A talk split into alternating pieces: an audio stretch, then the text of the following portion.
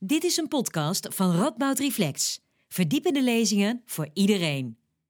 Goedenavond, dames en heren, en welkom bij dit actualiteitencollege van Radboud Reflex in samenwerking met Fox over de precaire situatie in Ticray.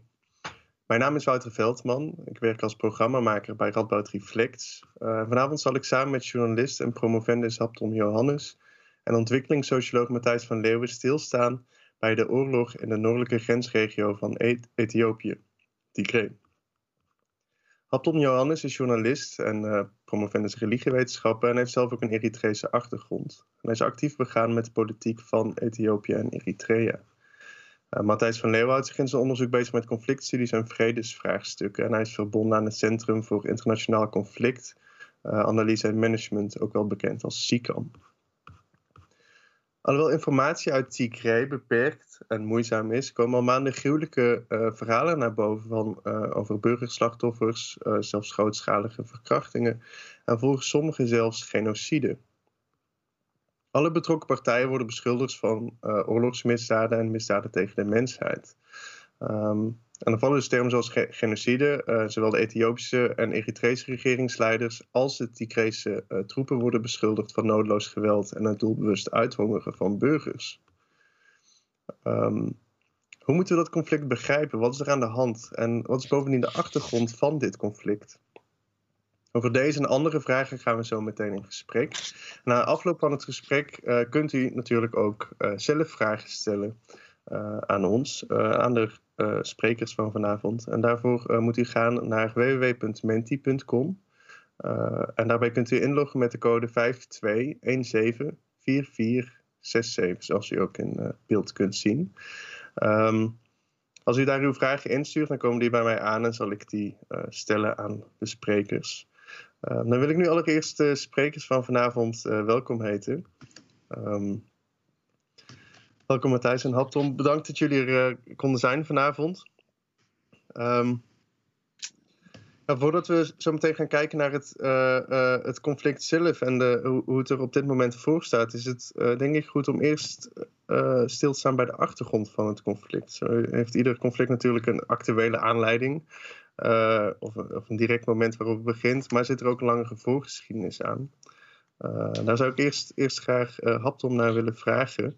Um, die heeft ook uh, wat kaarten meegenomen. En uh, moet ik er meteen even bij zeggen: een aantal van onze kijkers liet ons al weten terecht dat wij een verkeerde kaart hebben gebruikt. Um, bij onze aankondiging. En daar, dat zullen we zo meteen ook in de presentatie zien die Aptom heeft meegenomen, dat we inderdaad een verouderde kaart hebben gebruikt. daarvoor onze excuses. Hapton, zou je ons iets meer kunnen vertellen over de historische achtergrond van dit conflict en de spanningen die altijd al of al lange tijd hebben bestaan tussen Ethiopië en Eritrea en de rol van Tigray in uh, die spanningen. Ja, uh, bedankt Jeroen. goedenavond iedereen. Bedankt dat jullie hier zijn. om iets te begrijpen van het conflict moeten we eigenlijk teruggaan naar de Berlijnse conferentie van uh, Europese mogendheden. Uh, de Berlijnse conferentie, de wedloop om Afrika, uh, dat ze besloten hebben om Afrika onder elkaar te koloniseren. De nazistaat, de staten die wij kennen in Afrika, zijn eigenlijk met Europese kolonisatie gekomen. Eritrea was een kolonie van Italië. En uh, in 1941 hebben de westerse landen besloten eigenlijk na tien jaar mandaat onder de uh, Britten Eritrea toe te voegen aan Ethiopië. voor die tijd, voor de komst van de Italianen, was Eritrea onderdeel van Ethiopië. De, de Italianen hebben dus ongeveer uh, eh, 60 jaar in Eritrea gezeten. Uh, eigenlijk vervreemd geraakt ook van bevolking bijvoorbeeld uit Tigray.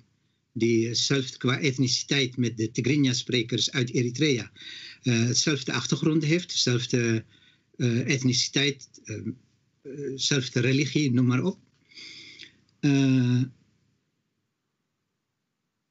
maar de Eritreërs uh, wilden dus niet uh, bij Ethiopië horen en zij namen de wapens op. Uh, dat gebeurde vanaf 1962. even kijken hoor, misschien kunnen jullie ook. Ik weet niet of jullie de kaarten zien. Ja. Ja, die zijn nu in beeld. Zijn nu in beeld. dus van 61, 62 tot 91 hebben de Eritreërs de wapens genomen om tegen Ethiopië te vechten. In die periode uh, bestond de, of zag de kaart van Ethiopië zo uit, zoals jullie het in de linkerkant zien. En dan moeten jullie vooral opletten dus hoe Tigray hier uitziet. Dat is inderdaad de oude kaart. Uh, de Eritreërs gingen dus tegen de Ethiopiërs vechten. En de Tigreërs waren ook niet tevreden met hoe ze behandeld werden door de Amhaarse bevolking die toen aan de macht was in Ethiopië. Nou, Eritreërs en Tigreërs hebben dus samengevochten als het ware voor de onafhankelijkheid van Eritrea en de verandering in Ethiopië. Maar de Tigreërs, die, uh, zij, willen, zij hinkten eigenlijk op twee benen. Aan de ene kant wilden ze onafhankelijkheid, maar aan de andere kant wilden ze ook bij Ethiopië horen. En ze hadden ook geen grond. Uh, ze zijn nooit gekoloniseerd geweest door een westerse land. Dus ze hadden ook geen uh, grond om onafhankelijkheid te eisen. Nou, in 1991 hebben de Eritreërs heel Eritrea bevrijd. Uh, de Ethiopiërs dus verdreven, samen met de Tigreërs. En de Tigreërs kwamen toen met behulp van de Eritreërs aan de macht in Ethiopië. Ze hebben 27 jaar lang uh, de dienst uitgemaakt in Ethiopië. Ik weet niet of ik de kaart kan bedienen. Uh, mag ik de volgende kaart? Ja. Uh, in 91 veranderde dus iets belangrijks in Ethiopië. En dat is dat de Tigreërs aan de macht kwamen. Zij maakten de dienst uit in Ethiopië. Eritrea werd onafhankelijk. Van 91 tot 97 ging het heel goed tussen de twee landen. En tussen de uh, toenmalige machthebbers, dus TPLF en de Eritreërs. Toen gingen de uh, Tigreërs die aan de macht zijn in Ethiopië, hebben ze het land zo verdeeld. Dus als je ziet ook hoe Tigray groter is geworden dan het was. Want ze hebben een grondgebied ingenomen van de omringende landen, vooral, of uh, gebieden, vooral van de Amharen. En hun bedoeling was eigenlijk om uh, bet, ja, langzamerhand onafhankelijkheid te eisen van Ethiopië, maar wel met de toegang tot de zee. Want Tigray uh, is niet levensvatbaar zoals het nu is.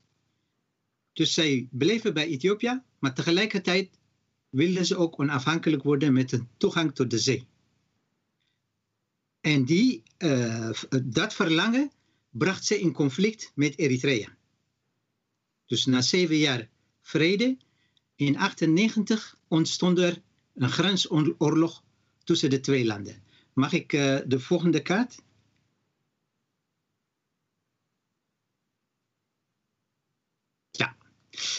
Dus uh, het verlangen van de Tigrayers was om van Tigray dit te maken.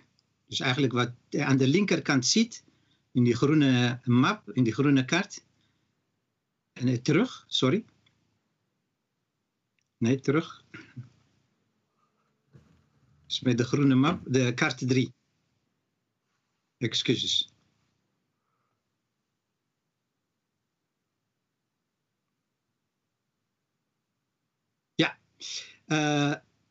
In die groene kaart zie je dus Tigray heel klein.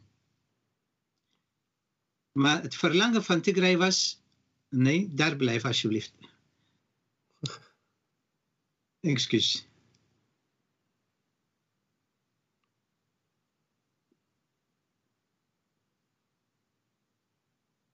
Mag ik uh, terug naar die groene kaart?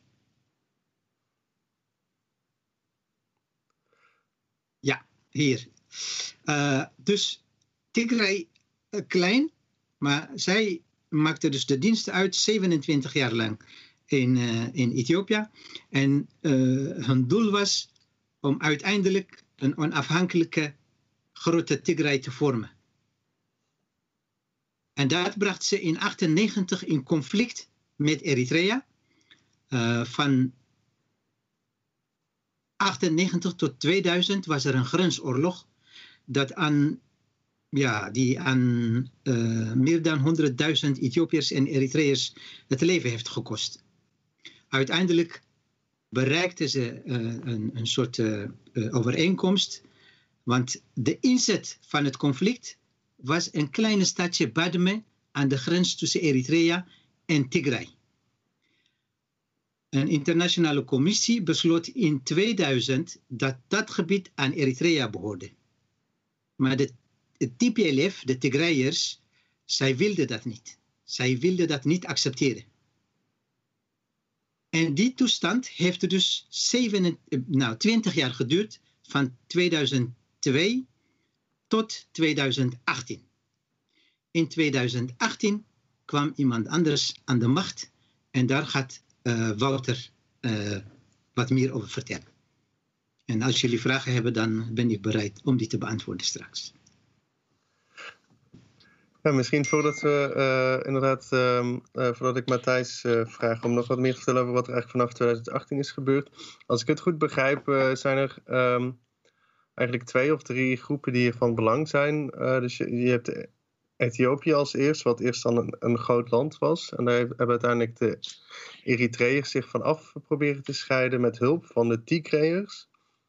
Uh, vervolgens is dat gelukt. En is, zijn de Tigreërs aan de macht gekomen in Ethiopië. En toen is er conflict ontstaan tussen Ethiopië onder, onder leiding van de Tigreërs en Eritrea. Exact. Exact. Oké, okay, en dat, zijn dan dus... de drie partijen die, die ook uh, nu um, de belangrijkste rol spelen in het, uh, in het conflict. Precies, maar een, een derde groep, dat is de Amhaarse bevolking, waar de huidige minister-president van Ethiopië ook voor een deel vandaan komt. Uh, die dus nu ook in Tigray meevechten vanuit de aangrenzende gebied. Dat jullie ook in de kaart kunnen zien. Dus in ja, Tigray zijn er nu, uh, de Eritreërs zitten daar tegen de Tigrayers te vechten.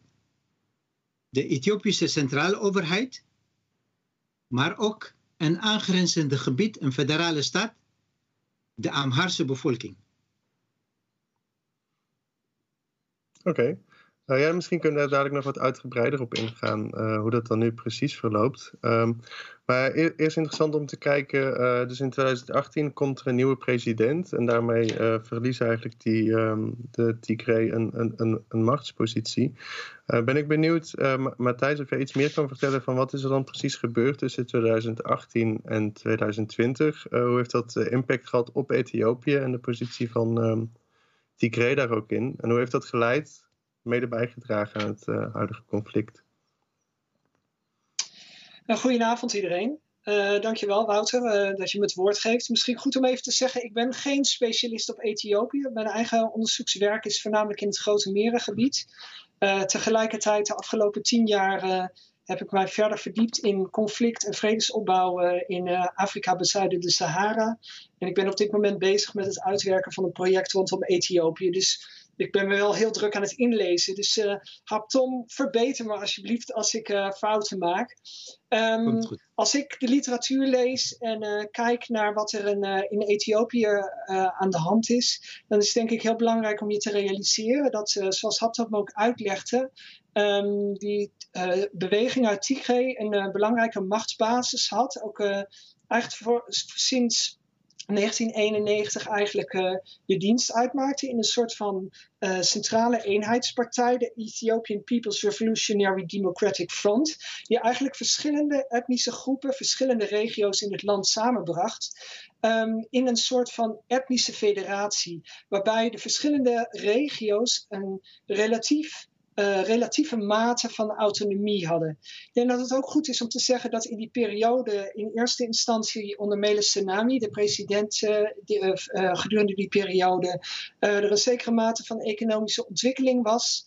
tegelijkertijd een toenemende repressie en ja, steeds minder mogelijkheden voor bijvoorbeeld het maatschappelijk middenveld om zich te uiten, zich te mengen in dit politieke debat. En dat resulteerde in grootschalige protesten uiteindelijk in 2000. 2015, 2018. Misschien herinner je nog uh, op een gegeven moment. Uh, ja, ze waren ook de beelden daarvan in Nederland op de televisie. in eerste instantie grootschalig vreedzame protesten die eigenlijk geleid hebben tot die machtsoverdracht. en uiteindelijk de aanstelling van die nieuwe prime minister Abiy Ahmed, waar uh, het al even over had. En hij is eigenlijk een soort grootschalig hervormingsprogramma gaan inzetten. Uh, waarbij hij uh, de macht in het land verder is gaan centraliseren.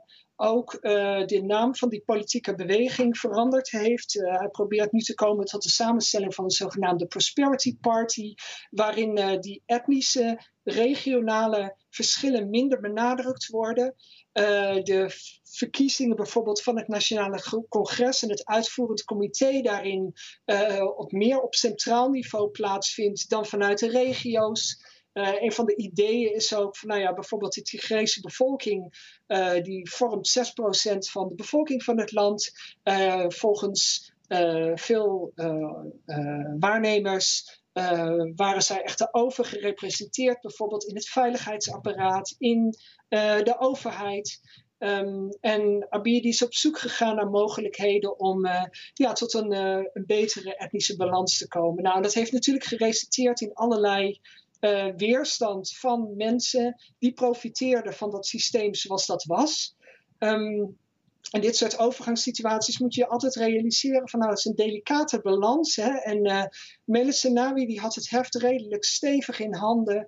Um, ja, daarna was er een instabiele periode, regionale veranderingen ook. Ik denk dat de context van, uh, van Soudaan, waar we ook een machtswisseling gehad hebben, daarin een belangrijke rol gespeeld hebben. Dat resulteerde er allemaal in dat er verschuivingen waren in hoe de Ethiopische staat georganiseerd was. En dat leverde uh, veel weerstand op. Met name ook in de, de Tigray-regio, waarin uh, ja, uh, machtshebbers zagen dat zij hun belangrijke positie binnen uh, die nationale partij zagen verliezen. Um, op een gegeven moment zijn de verkiezingen aangekomen. Die, die zouden vorig jaar gehouden worden. toen vanwege de COVID-epidemie is er besloten om die uit te stellen uh, Tigreense leiders zagen dat als een soort van poging om hen uh, ja, verder eigenlijk tegen te houden en te onderdrukken. Dus die hebben die, die verkiezingen toch door laten gaan. Vanuit Addis Ababa kwam toen het bericht van nou, wij kunnen dit niet accepteren, dit is onacceptabel. Um, wat er toen gebeurd is, is dat er ja, 4 november, als ik me goed herinner, is er, een, aanval geweest op een legerbasis van de federale, het federale leger. en ja, daar heeft Abiy, die de Nobelprijs gekregen had voor het bereiken van vrede met Eritrea, vrij heftig op gereageerd. Uh, die heeft zijn troepen daar naartoe gestuurd. Um, die werden ondersteund door Am Amhaarse troepen ook, Amhaarse milities. En er is harde actie genomen. de Tigreense leiders die zeiden van nou hier is sprake van onterechte inmenging en wij worden niet erkend in ons uh, uh, zelfbeschikkingsrecht. Abedi had echt zoiets van: hé, hey, onzin. wat hier gebeurt is eigenlijk een regelrechte illegitieme opstand. En als, ja, om de eenheid in dit land te bewaren, is het heel belangrijk dat wij hard ja, eigenlijk ja, terugslaan en de situatie weer, weer kalmeren en de macht weer overnemen. Nou, dat heeft geresulteerd in enorme gevechten. Uiteindelijk heeft binnen een maand ongeveer het Ethiopische leger uh, de hoofdstad van de Tigrijnse regio weer kunnen overnemen. Uh, nu is de situatie heel divers in dat in het zuidwesten van Tigray nog steeds allerlei Amhaarse troepen aanwezig zijn. Het Ethiopische regeringsleger de hoofdstad in handen heeft en het noorden van die regio in handen is van Eritrese uh, troepen die zich uh, ja, gemengd hebben in het conflict nadat uh, de TPLF, de beweging daar, bombardementen ook had uitgevoerd op, op Asmara. Um, inmiddels een hele grote situatie. Je hebt misschien al over gelezen in de kranten en in het nieuws gezien. Uh, iets van 4,5 miljoen, 5,5 miljoen van de 6 miljoen bewoners van de regio zijn inmiddels afhankelijk van, uh, van hulp. 900.000 mensen op de vlucht. Uh, ook allerlei Eritrese vluchtelingen die in Tigray in vluchtelingenkampen zaten, zijn over de grens getrokken naar. Uh, allerlei gruwelijke verhalen die naar buiten komen over ja, misdaden, gewelddadigheden, uh, misdaden tegen de menselijkheid, oorlogsmisdaden. Sommige mensen die zelfs zeggen dat een soort van genocide aan het plaatsvinden is. Een uh, vrij chaotische situatie. En het heeft ook heel lang geduurd voor uh, de internationale gemeenschap om goed te zicht te krijgen. En het is nog steeds onduidelijk ja, wat de situatie nu precies is. Um, ja, uh, Hapton, ja, uh, dankjewel uh, voor die, alsjeblieft voor die, aan voor analyse. ik wil misschien straks nog wel eventjes ingaan op die opmerking over, over genocide, want daarbij -hmm. ook mhm. vergelijkingen worden gemaakt met Rwanda en wel benieuwd hoe, hoe, jullie daarover denken. Maar misschien allereerst, we hebben natuurlijk net van Hapton gehoord over de, de, de voorgeschiedenis, waarbij er toch echt voor een hele lange tijd spanningen zijn geweest tussen Ethiopië en Eritrea. En tegelijkertijd dat Tigray wel heeft geholpen om um, uh, Eritrea uh, onafhankelijk te maken. Uh, maar dan hebben we nu een situatie waarbij Eritrea eigenlijk de Ethiopische regering lijkt te helpen en te steunen in een oorlog tegen de Tigrayers. Hoe, hoe is dat zo gelopen? Wat is het belang van de Eritreërs hierin? Um, en dan vraag ik dat bijzonder aan Hapton. Wat is het belang van de Eritreërs om hier ook bij in te springen? Ik heb straks gerefereerd aan de grensoorlog die er geweest is tussen 98 en 2000. Uh, vooral de Eritrese leider Isaias Afwerki, maar ook zijn bevrijdingsfront, het Eritrean People's Liberation Front. dus het Eritrese bevrijdingsfront vocht vanaf 61 tot 91 voor de onafhankelijkheid van Eritrea. En vanaf 75 hebben de Eritreërs het TPLF geholpen om verandering te brengen in Ethiopië en ook aan de macht te komen in Ethiopië. Nou, de grensoorlog van 98 beschouwen de Eritreese leiders als een soort dolk, uh, ja, als een, een soort verraad uh, vanuit Tigray. En toen heeft Eritrea ook de oorlog eigenlijk verloren. Uh, zoals ik net zei, moet je nagaan, Eritrea heeft ongeveer 5 miljoen inwoners. Tigray wordt gezegd ongeveer 8 miljoen. Heel Ethiopië, exclusief Eritrea, heeft meer dan 116 miljoen inwoners. Dus het was een wonder dat Eritrea de onafhankelijkheid kreeg. Het was ook een wonder dat Eritrea zich staande hield bij de grensoorlog van 98. Maar de Eritreërs voelden zich dus door de Tigrayers verraden. Ik heb het nu niet over de Eritrese bevolking als zodanig, maar de Eritrese leiders. Dus de vrede tussen Ethiopië en Eritrea van 2018, toen Abiy Ahmed aan de macht kwam, zag de Eritrese leider als een geschenk uit de hemel. Abiy Ahmed accepteerde de vrede, bewust om de Tigrayers in een hoek te duwen. Dus wat Abiy Ahmed deed toen hij aan de macht kwam, was de grensuitspraak, de internationale uitspraak over de grens tussen Eritrea en Ethiopië, heeft hij geaccepteerd. Met Isaias gebeld en Isaias, de Eritrese leider, stuurde gelijk uh, vertegenwoordigers naar Ethiopië. Nou, het was een gigantische feest. Maar alles gebeurde over de, Tigray, de Tigrayers heen. De Tigrayers werden daarin niet betrokken. Want zowel Eritrea als Abiy Ahmed hadden één doel. En dat is om de macht van de Tigrayers te breken. Want ze hebben 27 jaar lang uh, de dienst uitgemaakt in Ethiopië. En dat was het doel. En dat is, uh, ja, wat, zoals ik straks zei, een geschenk uit de hemel voor de Eritrese leider. Vandaar dat hij dus actief uh, Ethiopië heeft geholpen. Voormalige vijand, als het ware. Om het TPLF, zijn vijand, klein te krijgen. Ik wil ook iets zeggen over uh, de etnische samenstelling van Ethiopië. Uh, het is namelijk niet terecht dat de Tigrayers de schuld krijgen van de etnische samenstelling van, uh, van Ethiopië. Het, die etnische, etnische probleem is niet alleen maar van Ethiopië, is van heel Afrika. Zoals ik straks zei, de koloniale mogendheden uit Europa, ze kwamen daar en als het ware met een liniaal op de tafel hebben ze Afrika onder elkaar verdeeld. En dat betekent dus dat er verschillende etnische bevolkingen uh, werden samengevoegd in één land. Vandaar dat de Afrikaanse Unie in 1964 heeft gezegd: oké, het is uh, een vloek, maar we moeten het accepteren.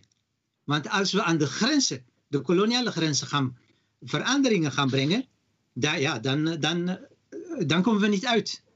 Dan krijg je alleen maar etnische conflicten. Maar wat heeft de TPLF gedaan, de Tigrayers, niet alleen maar de Tigrayers, zoals Matthijs straks ook zei, het was een coalitie van verschillende groepen. Het waren studenten met een marxistische, leninistische achtergrond. Moet je na uit de jaren zestig. Ze, waren, ze hadden idealen. Links, sommige Russisch, marxistisch, leninistisch, zoals Eritrea uh, vooral op Mao gericht. En wat hebben de TPLF gezegd? Ja, de etnische kwestie, dat speelt een rol. En wij moeten het adresseren.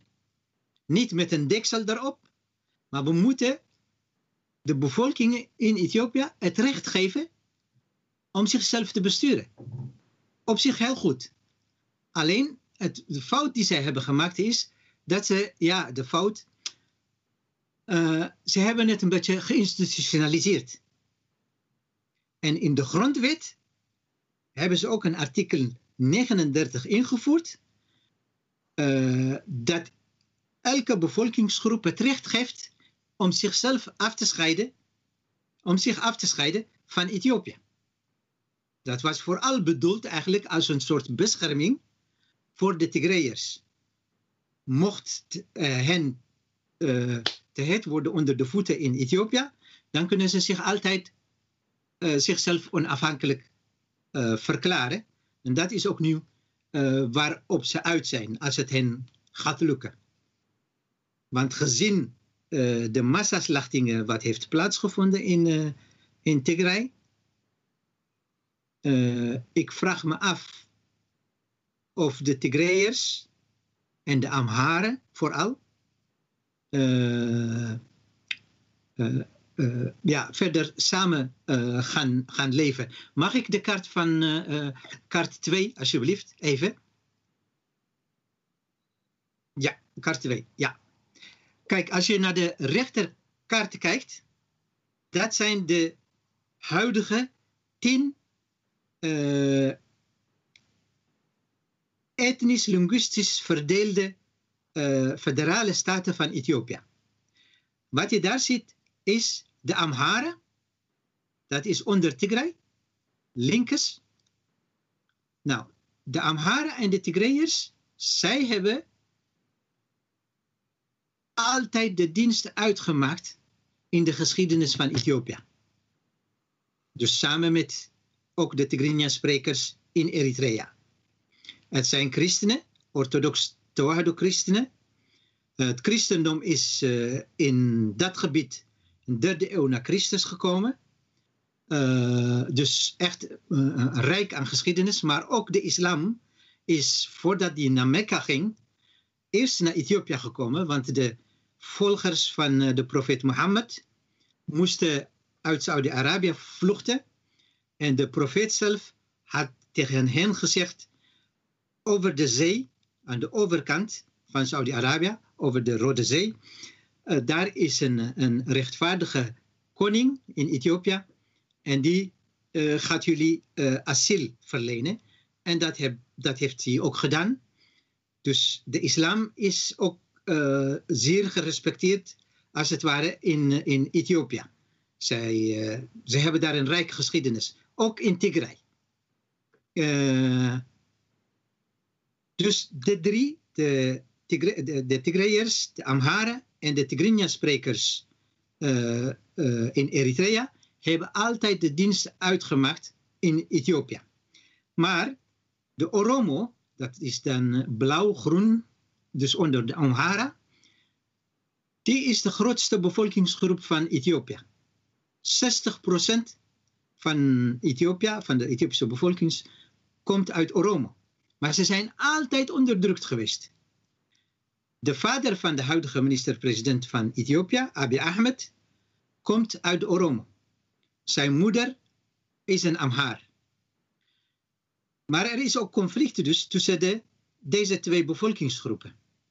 Uh, iedereen is nu geconcentreerd op uh, Tigray, maar er vinden ook massaslachtingen plaats tussen de Amhara en de Oromos.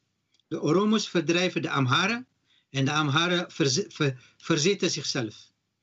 Uh, dus de vraag is nu, uh, gaat Ethiopië uit elkaar vallen, zoals het voormalige Joegoslavië?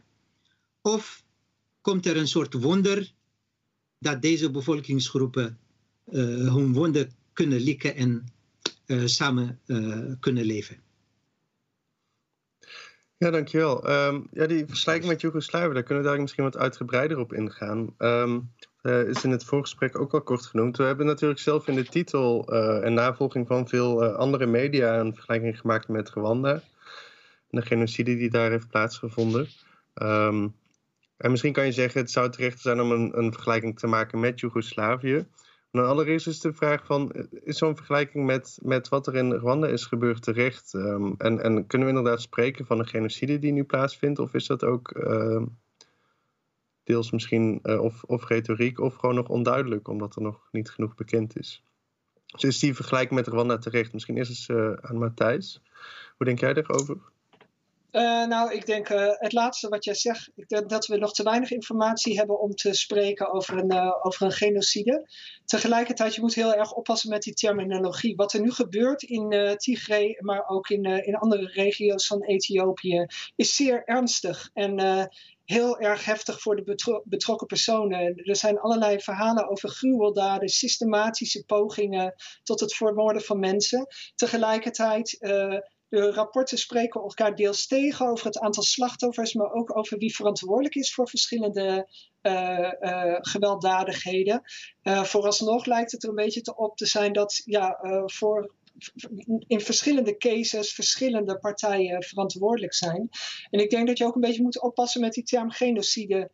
Die heeft natuurlijk ook enorme politieke betekenis in de zin van dat het ook een manier is om ja, het conflict op, uh, op op de kaart te zetten. Um, genocide heeft een soort van uh, gevoel, geeft mensen een gevoel dat er ook een soort van verplichting is vanuit de internationale gemeenschap uh, om in actie te komen. Dat hebben we gezien bijvoorbeeld in, uh, in Darfur. Um, tegelijkertijd is het nog maar zeer de vraag of bijvoorbeeld de VN-veiligheidsraad ja, gewillig is om, om dat te doen. Resolutie eerder deze maand om, om actie op te ondernemen is helaas tegen, tegengehouden door, door Rusland en, en China. Ehm, en dat laat zien van zelfs als je het label van uh, oorlogsmisdaden of misdaden tegen de menselijkheid erop plakt of genocide, dat je nog een heel eind te gaan hebt. Um, wat ik wel graag wil zeggen in het geval van Rwanda is het heel duidelijk dat um, eigenlijk vanaf het begin af aan, zelfs op het moment dat de genocide in Rwanda begon in 1994, bekend was en duidelijk was dat er een ambitie was van de centrale overheid om een gedeelte van haar bevolking systematisch te elimineren. Er waren lijsten aangelegd, er waren wapens geïmporteerd, uh, er was hate speech op de radio die echt de bevolking opriep uh, en het leger opriep om één bepaalde groep uh, uit, te, ja, uit, uit te vlakken, uit te gommen in het land.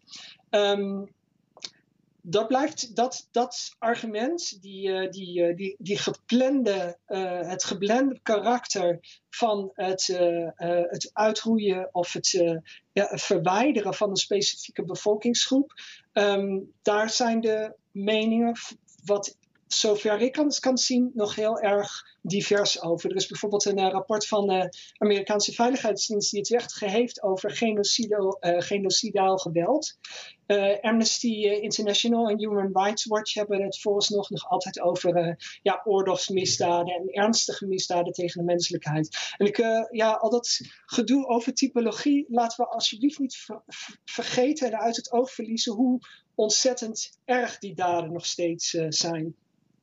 Um, ja, we hadden het al. Mag ik, mag ik daar iets over zeggen? Want uh, op de een of andere manier komt opeens steeds dat beeld van die Rwandese genocide op. Uh, mijn ervaring in Afrika is ook dat uh, het woord genocide en Rwanda onlosmakelijk met elkaar verbonden zijn. En we hadden het met, in het voorgesprek daar al even over. Het is bijna zoals wij in Europa praten over de Holocaust en het opkomende fascisme. Als wij proberen iets ernstigs een ernstige politieke ontwikkeling in Europa te duiden, komen we altijd op dat verhaal uh, terecht. En dat zie je eigenlijk ook een beetje gebeuren met de genocide in Rwanda. Wat dat betreft denk ik dat het veel zinvoller zou zijn om de situatie nu in Ethiopië te vergelijken met het voormalig Joegoslavië. Waar je eigenlijk ook een soort van etnische federatie had. Uh, aan het begin van, uh, eind van de jaren 80, het begin jaren 90, uh, die bij elkaar gehouden werd door de eigenlijk de mythische persoon van, van Tito, die die verschillende regio's met elkaar wist te verzoenen. Je zou eigenlijk bijna kunnen zeggen dat Meles Zenawi ook zo'n soort van rol heeft gespeeld tot, uh, tot 2015. Um, ehm, maar wat er op een gegeven moment gebeurde, van nou die persoon is, uh, is, is weggegaan, is vertrokken. er zijn hervormingen grootschalig ingezet. In het geval van Joegoslavië was dat een, een soort van noodzaak. het land was bankroet. Um, iets vergelijkbaars, nou ja, ik, daar wil ik de vergelijking niet trekken, maar in het geval van Eritre uh, Ethiopië is het duidelijk dat er al wat aan het rommelen was, dat er verschillende tegenstellingen waren, dat er vragen waren over die manier waarop staatsmacht uh, waarop de overheid uh, georganiseerd was. En op het moment dat je gaat proberen dat te veranderen, ja, krijg je weerstand en krijg je uh, ja, mensen die profiteren van dat systeem, het die het gevoel hebben van hé, hey, uh, uh, wat er nu gebeurt, daar zijn wij het absoluut niet mee eens. Van de andere kant zie ik ook, nou ja, wat ik, wat ik afvraag, maar dat is misschien ook voor Haptom in die zin een vraag aan, aan jou. Um, in het voormalig Joegoslavië zag je ook heel erg het opkomen van hate speech. En in hoeverre is dat, speelt dat ook op dit moment in Ethiopië een rol? Ja, dat is dat is uh, uh, heel, heel uh, een belangrijke vraag, Matthijs. omdat, kijk, ik wil ook gelijk even naar kaart 5 gaan. je, ja, kijk, wat er gaande is, de de huidige oorlog, die wordt niet alleen maar in Tigray gevochten. Ja. De diaspora, uh, Eritrese diaspora, Ethiopische diaspora, dus ook de Amharen, uh, de tweede grootste migrantengroep van, uh, in, in, Washington DC. maar ook overal in, in Europa. de Tigrayers hebben de afgelopen 27 jaar ook diplomatiek heel veel contacten gelegd. ook Suzanne Reis, ge, gezant voor Afrika onder Clinton, onder Obama, had ze ook veiligheidsadviseur, heeft ze nu ook een functie binnen Biden als minister. En zij was zeer bevriend met Meles Zenawi, met de TPLF. Uh, maar ook met Sudan en met andere uh, landen in de wereld hebben ze goede contacten. En niet te vergeten, de huidige uh, leider van de Wereldgezondheidsorganisatie was, is een, een zeer vermaarde TPLF-lid van Tigray. En hij was minister voor gezondheid onder Meles Zenawi. Uh, trouwens in Asmara opgegroeid in Eritrea en ook daar naar de, naar de universiteit geweest. Dus uh, ze, de afgelopen 27 jaar hebben ze uh, goede contacten kunnen leggen. En ze hebben ook internationaal via Facebook, satelliet, media kunnen oprichten. Dus vanuit Amerika, vanuit andere plaatsen, bombarderen ze de hele wereld ook met hun eigen programma's over Tigray. Omdat Tigray nu min of meer hermetisch afgesloten is. Elektriciteit doet het niet. Internet doet het niet. En wat ze hadden als media, daar is overgenomen door de federale overheid. Dus vanuit het buitenland wordt deze oorlog ook gevoerd. En uh, als je ziet, uh, overal bij Twitter, bij Facebook, Tigray genocide, Tigray genocide. En dat komt omdat, ja, uh, als je dat woord noemt, dan is de kans heel groot dat je hulp krijgt vanuit het buitenland. En dat vind ik vreselijk, want wat er nu gaande is, is erg genoeg. Er vinden uh, etnische zuiveringen plaats. Niet alleen maar in Tigray, uh, in Ethiopië. Uh, medewerkers van vliegtuigmaatschappijen, van Ethiopian Airlines. Als je Tigray bent, word je eruit gehaald. het leger is gezuiverd van Tigrayers die belangrijke functie, functies ha hadden. Want de federale overheid die vertrouwt ze niet meer. Dus is er sprake van genocide? Uh, ja, volgens de definitie niet, omdat er geen vooropgezette plan is om iedereen die van uh, Tigray afkomstig is uit te roeien. Dat, dat is niet waar. Maar er vinden wel massaslachtingen plaats. En dat is erg genoeg. En een belangrijke reden vind ik voor de internationale gemeenschap om iets te doen. Want als dat niet gebeurt, kan daar ook een regionale oorlog uitbreken. Die is eigenlijk al gaande. Vandaar als je naar deze kaart kijkt, uh, dat is, dit is de Nijl, de langste rivier, uh, zeker van Afrika, maar ook van de wereld wordt gezegd. Er is uh, competitie tussen Amazone en, en de Nijl, maar de Nijl wordt de langste rivier genoemd. En zessen, deze, de Nijl is een levensader voor Egypte, maar ook voor Sudan. En voor 96% komt die uit Ethiopië. De rest komt uit Lake Victoria, uit uh, uh, Oeganda, Tanzania. Maar onder de TPLF die dus ook vele goede dingen heeft gedaan de afgelopen 27 jaar in Ethiopië. Onder Meles Zenawi zijn de Ethiopiërs begonnen om de grootste dam in Afrika te bouwen. Om zelfvoorzienend te worden, uh, elektriciteit, maar ook elektriciteit te verkopen naar de omringende landen. Alleen Egypte is niet blij mee. Want de toevoer van, de, van het water zal dan afnemen, is de angst. Dus gisteren hadden ze ook de zoveelste bijeenkomst gehad in Congo, uh, maar dat is mislukt. En TPLF had dus ook goede relaties met Sudan, zei ik. En op het moment dat de oorlog begon in Tigray, heeft Sudan Ethiopië aangevallen. Dus tussen Sudan en Ethiopië is er nu oorlog gaande. Want zij willen niet, de dam is klaar, met uh, financiële middelen alleen maar van de Ethiopiërs. Want de Amerikanen, uh, Wereldbank, IMF, willen het niet financieren omdat ze niet in conflict wilden komen met uh, Egypte en Sudan. Maar de Ethiopiërs hebben het zelf gedaan, die is klaar. Maar Egypte en Sudan eisen nu van Ethiopië, je moet eerst een afspraak met ons maken voordat je het gaat vullen. En de Ethiopiërs zeggen, dit is ons grondgebied en wij bepalen zelf uh, hoe, we, hoe we het gaan doen. Wij willen niet dat jullie van uh, de dorst gaan sterven, maar dit is ons grond en het water wat bij ons valt, willen we het zelf opvangen.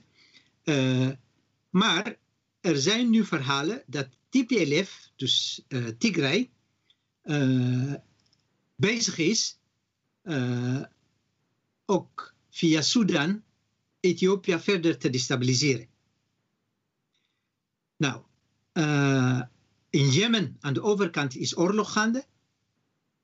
Dus als Egypte en Sudan en Tigray bij betrokken raken. Tigray is al bij betrokken, zeg maar, als federale deel van Ethiopië. Ja, dan, dan krijg je chaos. Dus ik vind het nou, erg dus, genoeg dan... dat de internationale gemeenschap eigenlijk vier maanden lang niks heeft gedaan, behalve ja, retoriek. Misschien om het dan even samen, samen te vatten toch kort terug te brengen naar de um, uh, vergelijking met Rwanda. Dat als jullie beide goed begrijpen dat die vergelijking um, qua de terminologie van de genocide niet um, direct opgaat. Of dat we daar in ieder geval mee moeten oppassen. Maar dat misschien een vergelijking wel is dat toen nog tijd in Rwanda natuurlijk de internationale gemeenschap zich zeer afzijdig heeft gehouden. en dat het in ieder geval in jouw ogen, om nu ook het geval is en dat er meer zou moeten gebeuren. Misschien Want, wil ik vanaf hier ook, ook, meteen even door naar de publieksvragen. Ik weet ook niet of ik, ik zie nu ook alleen uh, jou een beeld en het kaartje. Uh, maar misschien kunnen we even terug naar ons drieën. Um, ja. Ik, ik, zie nog niet ons drieën, maar ik kan wel alvast de vraag stellen. We hebben, ik denk dat het interessant is om zo meteen nog even wat verder door te gaan op de internationale context. Um, maar misschien ook terug naar um, uh, Ethiopië zelf. Zijn een aantal mensen die, die benieuwd zijn naar uh, hoe de positie uh, op dit moment is van die nieuwe president. Is hij, is, hij, populair? En hoe staan eigenlijk die andere Ethiopiërs nou tegenover wat er in Tigray gebeurt? Steunen ze dat of is daar ook kritiek? Er is veel verdeeldheid hij begint heel veel kritiek te krijgen, ook van sommige Amhaarse intellectuelen, zowel in Ethiopië als in het buitenland. Uh, vooral omdat hij toe heeft gestaan dat Eritrese soldaten, moet je nagaan, Eritrea is een buitenlandse mogendheid. Mhm. En de bevolking van Tigray is Ethiopiër. Het zijn Ethiopiërs. Maar dat je dan en is dat iets dat hij echt heeft, heeft toegestaan? Of, eh, uh, dat is een, om meteen een brug te maken naar een andere vraag. Iemand vraagt ook van, is dat iets dat is toegestaan of heeft hij dat ook actief opgezocht? Heeft hij zeg maar die Eritreërs uitgenodigd van, hey, kunnen jullie ons komen helpen? Ja, of, of course. Ik bedoel, kijk, zonder de hulp van uh, Eritrea had hij de oorlog tegen Tigray niet zover kunnen krijgen. Dat heeft hij ook in het parlement zelf uh, verschillende malen toegezegd maar ook andere, uh, uh, de minister van Buitenlandse Zaken van Ethiopië, maar ook anderen, hebben Eritrea bedankt voor de hulp uh, die zij hebben gegeven bij het klein krijgen van, van het TPLF. Tegelijk dus is het Wacht, nou, ik denk dat dus hier heel veel verdeeldheid over is hoor. Want uh, als je gaat kijken naar uh, de, ja, uh, de aanval op Asmara, de hoofdstad van, van Eritrea, helemaal aan het begin van het, van het conflict. Um, ja, wat had Eritrea anders moeten doen dan, dan ja, maar dat is, dat is, Ja, maar dat, dat, weet je, het, het probleem is. -huh. Kijk, dat hebben we ook uh, uit de geschiedenis, hoe bijvoorbeeld uh, Hitler uh, Polen viel. -huh. Weet je, de, de, de, de, aanval van de Polen op Duitsland werd geanceneerd. Hè? Alsof Polen Duitsland heeft aangevallen. Maar dat was een, een, een mooie reden om Polen binnen te vallen. Dus bij de oorlog, wij moeten echt een onafhankelijk onderzoek uh, krijgen voordat we weten hoe en wat. Want de raketten inderdaad die tegen Asmara verschillende malen, vreselijk, maar ook tegen Ethiopië. Dus tegen uh, Ethiopische Bahardar, andere plaatsen, hebben ze ook raketten ja. afgevuurd. Maar wat TPLF zegt is, ja dat hebben we gedaan nadat jullie ons hebben aangevallen. Dus er zijn ja. verschillende versies daarover. Maar hoe dan ook, er is heel veel kritiek nu op Abiy Ahmed. Er, uh-huh. Een deel steunt hem, vooral de Amhaarse bevolking, maar ook een deel uh, zet grote vraagtekens van ben je wel krachtig genoeg om stabiliteit te brengen in Ethiopië? Want de oorlog is niet alleen maar in Tigray, de oorlog is ook tussen de Oromos en de Amhaarse bevolking. Plus, hij heeft de verkiezingen vorig jaar september uitgesteld. De reden ook voor een deel voor het conflict met Tigray. Hij heeft die uh, verkiezingen uitgesteld, maar midden in een oorlog heeft hij nu verkiezingen uitgeschreven voor juni.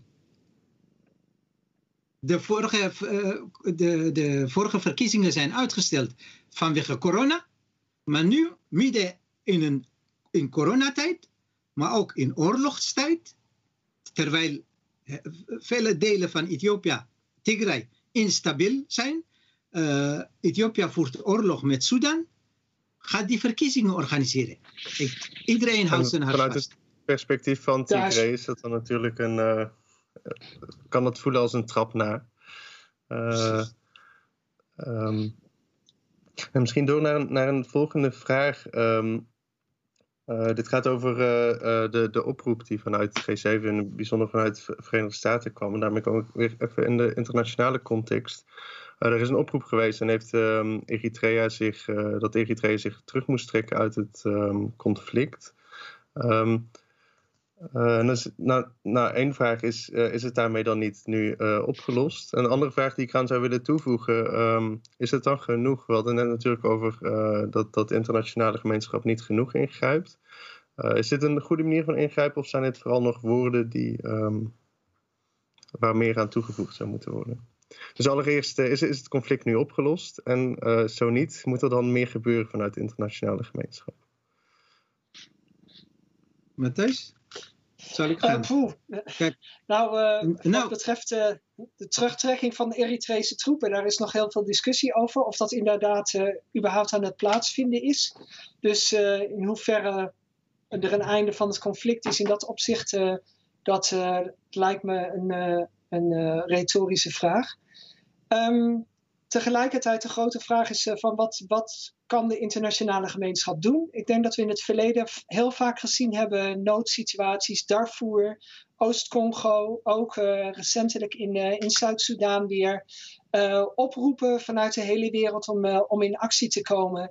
Ehm, uiteindelijk dat dat altijd geblokkeerd wordt, in de, of heel vaak geblokkeerd wordt in, in de VN-veiligheidsraad. Dat het heel moeilijk is om voor internationale uh, of nou ja, voor, voor, internationale partners, verschillende staten, om uh, gezamenlijk het overeen te komen om te interveneren. En ook vooral dat risico aan te gaan. Hè. Denk aan cases als Afghanistan, Irak, maar ook Syrië weer, waar de uitkomsten Libië heel erg onbevredigend zijn. En West-Afrika op dit moment, waar Frankrijk ontzettend zijn vingers aan het branden is aan de strijd is, tegen, tegen terrorisme. Um, de kansen zijn gewoon niet zo heel erg groot. Um, nou, ik vraag me Daarom wordt er ook vaak wel, wel, gezegd van, nou, misschien moet het juist meer uit de regio komen. En zou het ook meer moeten komen, niet zozeer op het allerhoogste diplomatieke interventieniveau, maar meer op het niveau van wijze staatsmannen. Zoals we ook in het verleden gezien hebben in Burundi bijvoorbeeld, of in Zuid-Soedan zelfs, dat regionale leiders uh, toch iets van toenadering gezocht hebben. En dan denk ik vooral ook dat er in Ethiopië zelf iets moet gebeuren. Want um, ik denk dat het op dit moment absoluut niet helpt om te gaan praten over wie wat gedaan heeft en wie waar schuld aan is. Ik denk dat uh, Abiy, uh, Abiy in zijn, ja, zijn hand in eigen boezem moet steken en zich moet af te vragen van heb ik mijn hand eigenlijk niet verspeeld? Heb ik, ben ik te opportunistisch ingegrepen in het noorden met het idee dat ik die Tigrijnen wel even zou kunnen kunnen, zijn, uh, kunnen uitschakelen. Zijn, antwoord is: uh, uh, wat zou je hebben gedaan als je eigen soldaten op de rug worden aangevallen door -huh. een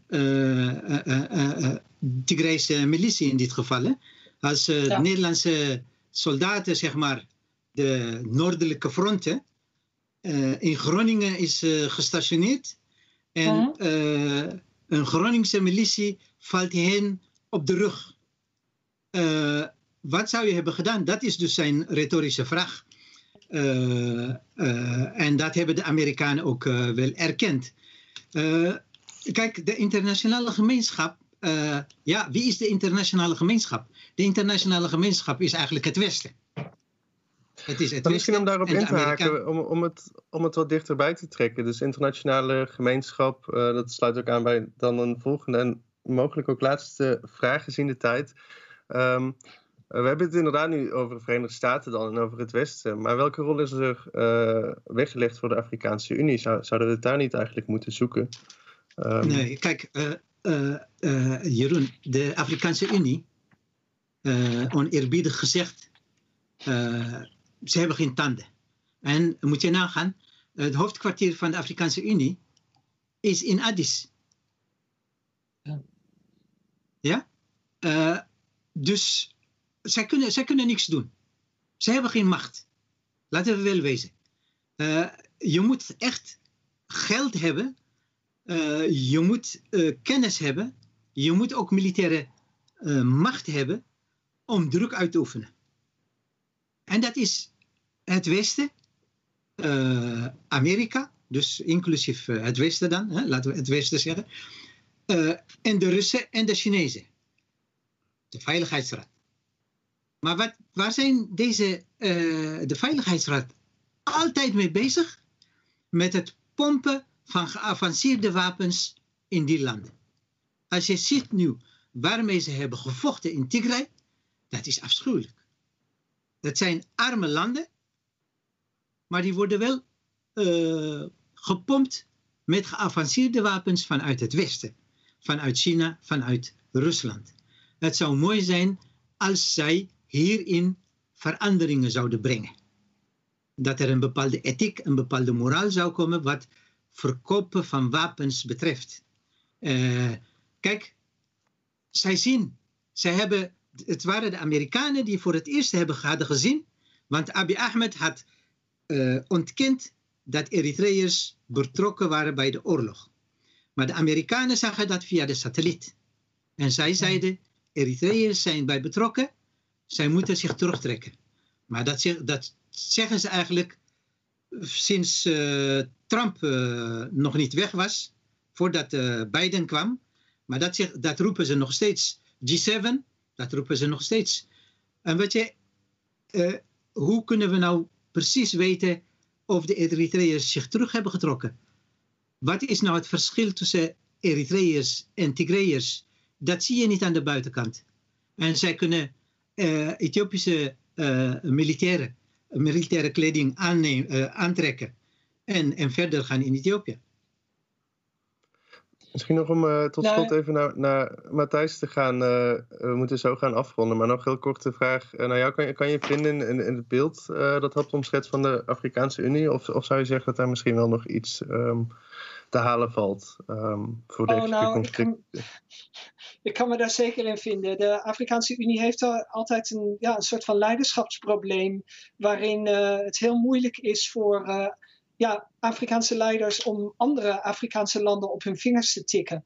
Dus als instituut, bovendien hebben ze ja, financieel uh, uh, zitten, hebben ze niet zoveel middelen. Um, dus daar moet je het niet van verwachten. Je zult het denk ik echt moeten hebben van die stille diplomatie en achter de schermen van, uh, van statelijke leiders. En eigenlijk geldt dat denk ik ook voor westerse landen. Ik denk dat Nederland bijvoorbeeld, we kunnen weinig indruk, of indruk maken op Rusland en China en uh, weinig pressie uitvoeren. Tegelijkertijd moeten we ons realiseren, Ethiopië gaat door een best wel ja, eigenlijk een hele moeilijke periode. Ook financieel, langdurige droogte, sprinkhanenplaag vorig jaar. Economisch heel erg aan de grond. Staan in de top 20 van landen met de meeste inflatie de afgelopen jaren. Een, een, hele moeilijke situatie. En ja, ik denk dat de Ethiopische overheid dus ook heel erg afhankelijk is van iets van goodwill vanuit het buitenland om dat soort uitdagingen aan te gaan. En daar zit misschien nog iets van leverage voor nou, bijvoorbeeld een partij als Nederland. Daarmee misschien een goede oproep uh, ook, ook naar onszelf toe om, om wellicht op die front in ieder geval steun te geven aan eigenlijk alle drie de partijen met ontwikkelingshulp, economisch. Um, en misschien ook uiteindelijk met vaccins.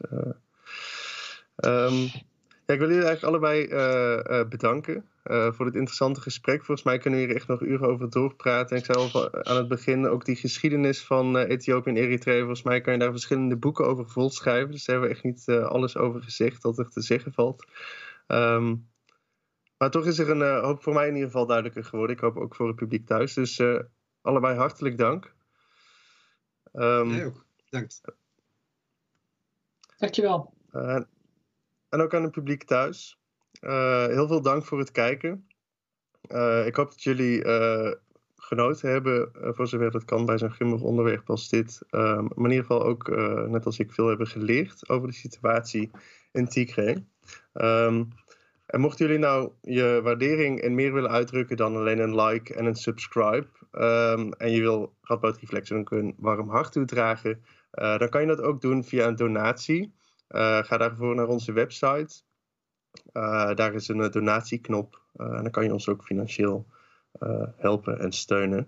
Um, hou ook die website in de gaten voor aankomende evenementen. we organiseren over heel veel verschillende onderwerpen dingen, ook dingen die minder grimmig zijn dan wat we vandaag hebben besproken. Zo gaan we het morgen hebben over katten. volgende week gaan we het onder andere hebben over het kinderbrein. Uh, maar ook over het denken van Simone de Beauvoir. Uh, nog veel meer in de toekomst. Dus uh, hou ons website in de gaten. Nogmaals heel erg dank voor het kijken. En hopelijk tot snel bij Radboud Reflects.